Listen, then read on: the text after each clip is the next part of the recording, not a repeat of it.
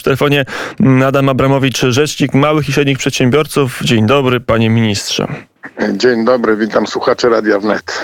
No dobrze, bo jak się ty czyta, a zwłaszcza słucha opinię posłów opozycji, to wydaje się, że Polski Ład, propozycja partii rządzącej, na, zwłaszcza na nowy system podatkowy, czy na reformę starego systemu podatkowego, to powoduje strach i lęk wśród przedsiębiorców. Jak to wygląda z Pana perspektywy? Jak przedsiębiorcy zrzeszeni w Radzie przy Rzeczniku zareagowali na propozycję rządu? Propozycje są dobre, tylko mm, sposób pokrycia ubytków budżetowych jest nieprawidłowy i my dzisiaj będziemy, y, już pracujemy nad tym, żeby wskazać rządowi inne źródło y, przychodów. Y, od dawna czekaliśmy na wyższą kwotę od podatku i to zaproponowane 30 tysięcy to jest kwota, która przenosi nas z krajów no, zbliżonych do kwotą do Afryki, do, przenosi nas do krajów europejskich, to jest bardzo dobra propozycja. No i również dobrą propozycją jest zwiększenie progu podatkowego, który od dawna nie był e, podnoszony. E, nie podoba się nam, bo jest to, będzie to szkodliwe dla polskiej gospodarki. E, pokrycie, próbę pokrycia tych ubytków z, od przedsiębiorców, którzy zarabiają trochę więcej, mają dochód większy, no i płacą podatek liniowy. Podatek liniowy jest traktowany przez przedsiębiorców jako zdobycz. Tu e, coś mm, e, po ustawie Wilczka, tak jakby taki drugi krok, który spowodował, że polskie firmy mogły się rozwijać. E, Ale czy to jest sprawiedliwe, panie ministrze, że osoba, która jest zatrudniona na etat płaci większe składki, a osoba, którą wypchnięto albo sama przeszła na samozatrudnienie, udaje czasami, że jest przedsiębiorcą, bo nie, nie mydlmy sobie oczu, wiele jednoosobowych działalności gospodarczych to jest fikcja. Czy pan się z tym zgadza, czy nie? No ale to jest e, zupełnie inny problem. E, to, że na przykład e, lecimy samolotem i mamy na pokładzie pięć firm łącznie z pilotem, to jest jedna rzecz. A druga rzecz to są firmy, które rzeczywiście są przedsiębiorcami, mają dochód wyższy niż ten 6 tysięcy, bo do 6 tysięcy przedsiębiorcy zyskują. Tutaj klin podatkowy jest znoszony, ale mają dochód wyższy wyższy. No i porównując osobę na etacie, to czy osoba na etacie y, musi inwestować swoje pieniądze w firmę, aby odtwarzać środki trwałe albo się rozwijać? No nie bo ta osoba e, zarabia pieniądze, no i nimi dysponuje. Oczywiście w ramach swoich możliwości może też inwestować, na przykład w zakup mieszkania i późniejsze pożytki, ale on wtedy staje się przedsiębiorcą. Przedsiębiorca, który nie inwestuje, który nie odtwarza środków trwałych, po prostu ginie. I to jest, e, to, to jest złe właśnie, że podnosząc dla przedsiębiorców, którzy płacą podatek liniowy o 9% koszty, zabieramy im możliwości inwestowania.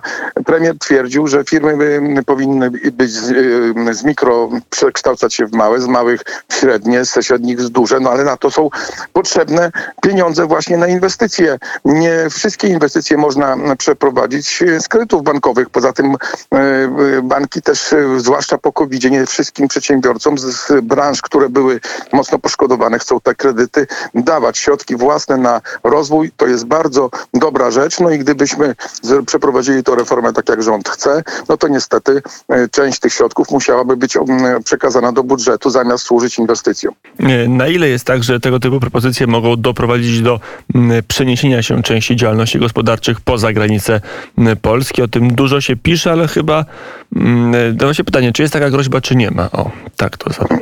Nie ma takiej groźby.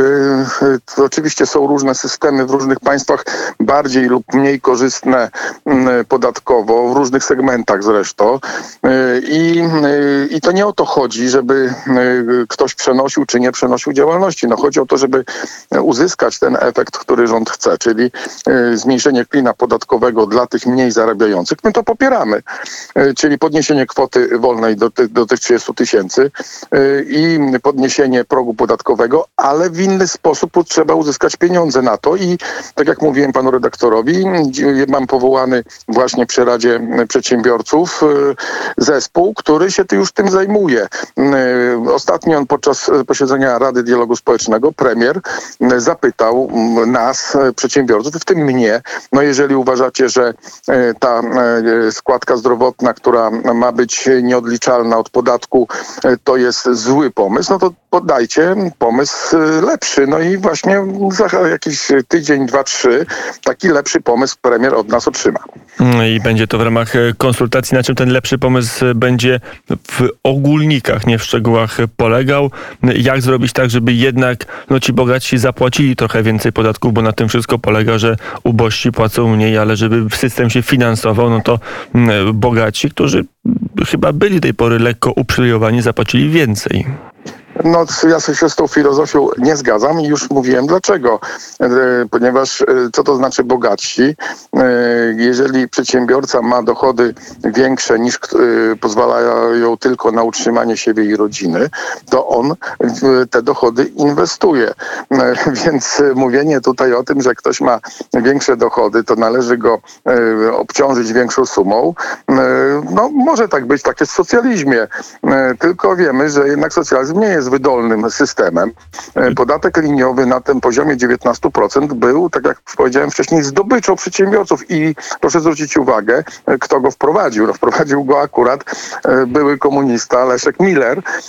To wszystko I sam prawda się, do tej sam pory. Się zdziwił, sam się zdziwił, że efekt uzyskany był tak zupełnie inny niż ktoś mógłby właśnie o mentalności socjalistycznej zakładać. Podatek został obniżony, był jednoprogowy, a wpływy do budżetu wzrosły.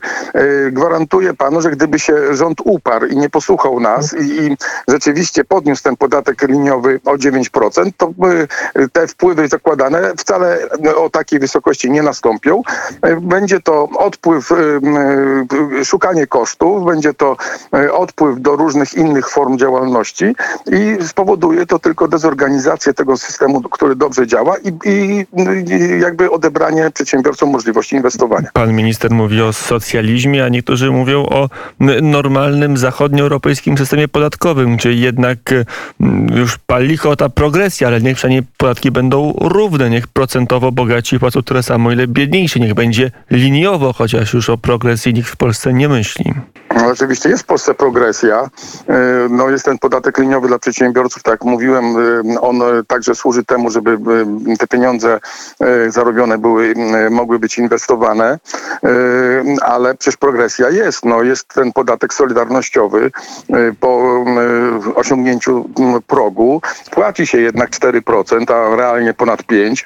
W związku z tym no Progu już... miliona jest... dochodów rocznie, to nie są małe dochody no nie są małe dochody, ale jednak już ci bardzo e, bogaci, czy też ci, co uzyskują te większe e, dochody, już takową e, składkę dają. Obciążenie firm, które mają dochód powyżej 6 tysięcy złotych netto, no panie redaktorze, to nie, to jest, to nie są krezusi, to są ludzie, którzy ciężko pracują, żeby się dorobić, żeby rozwijać swoje firmy i my tutaj się nie zgadzamy. Chyba jeżeli my przedstawimy jako nasze środowisko e, sposób e, pozyskiwania tych e, środków na pokrycie tej wyższej kwoty wolnej i podwyższonego progu. Inny, na przykład, proszę zwrócić uwagę, że po, gdyby wprowadzono tą reformę, to nie byłoby żadnej równości podatkowej. Otóż firma Jana Kowalskiego prowadzona jako działalność gospodarcza płaciłaby 28% podatku dochodowego, a korporacja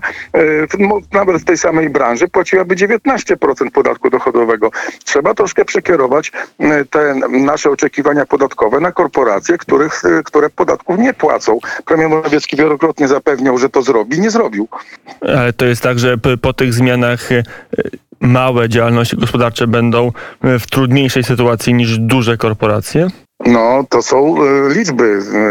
19% e, i 28%, e, no to jest różnica jednak tych 9%, które korporacje będą, mogą sobie inwestować, a małe firmy nie, no bo zostaną, te pieniądze będą musiały oddać do budżetu.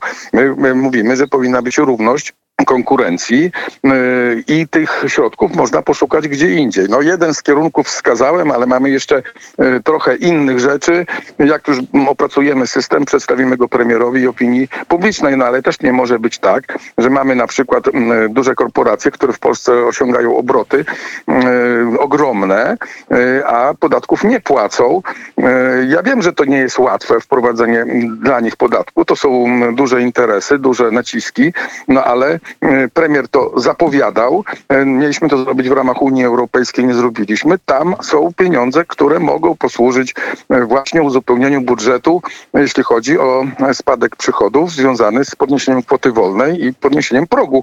E, Jeszcze raz podkreślam, popieramy, żeby ci mniej zarabiający procentowo płacili mniej. No, dzisiaj mamy sytuację klina podatkowego, że ci mniej zarabiający płacą procentowo więcej.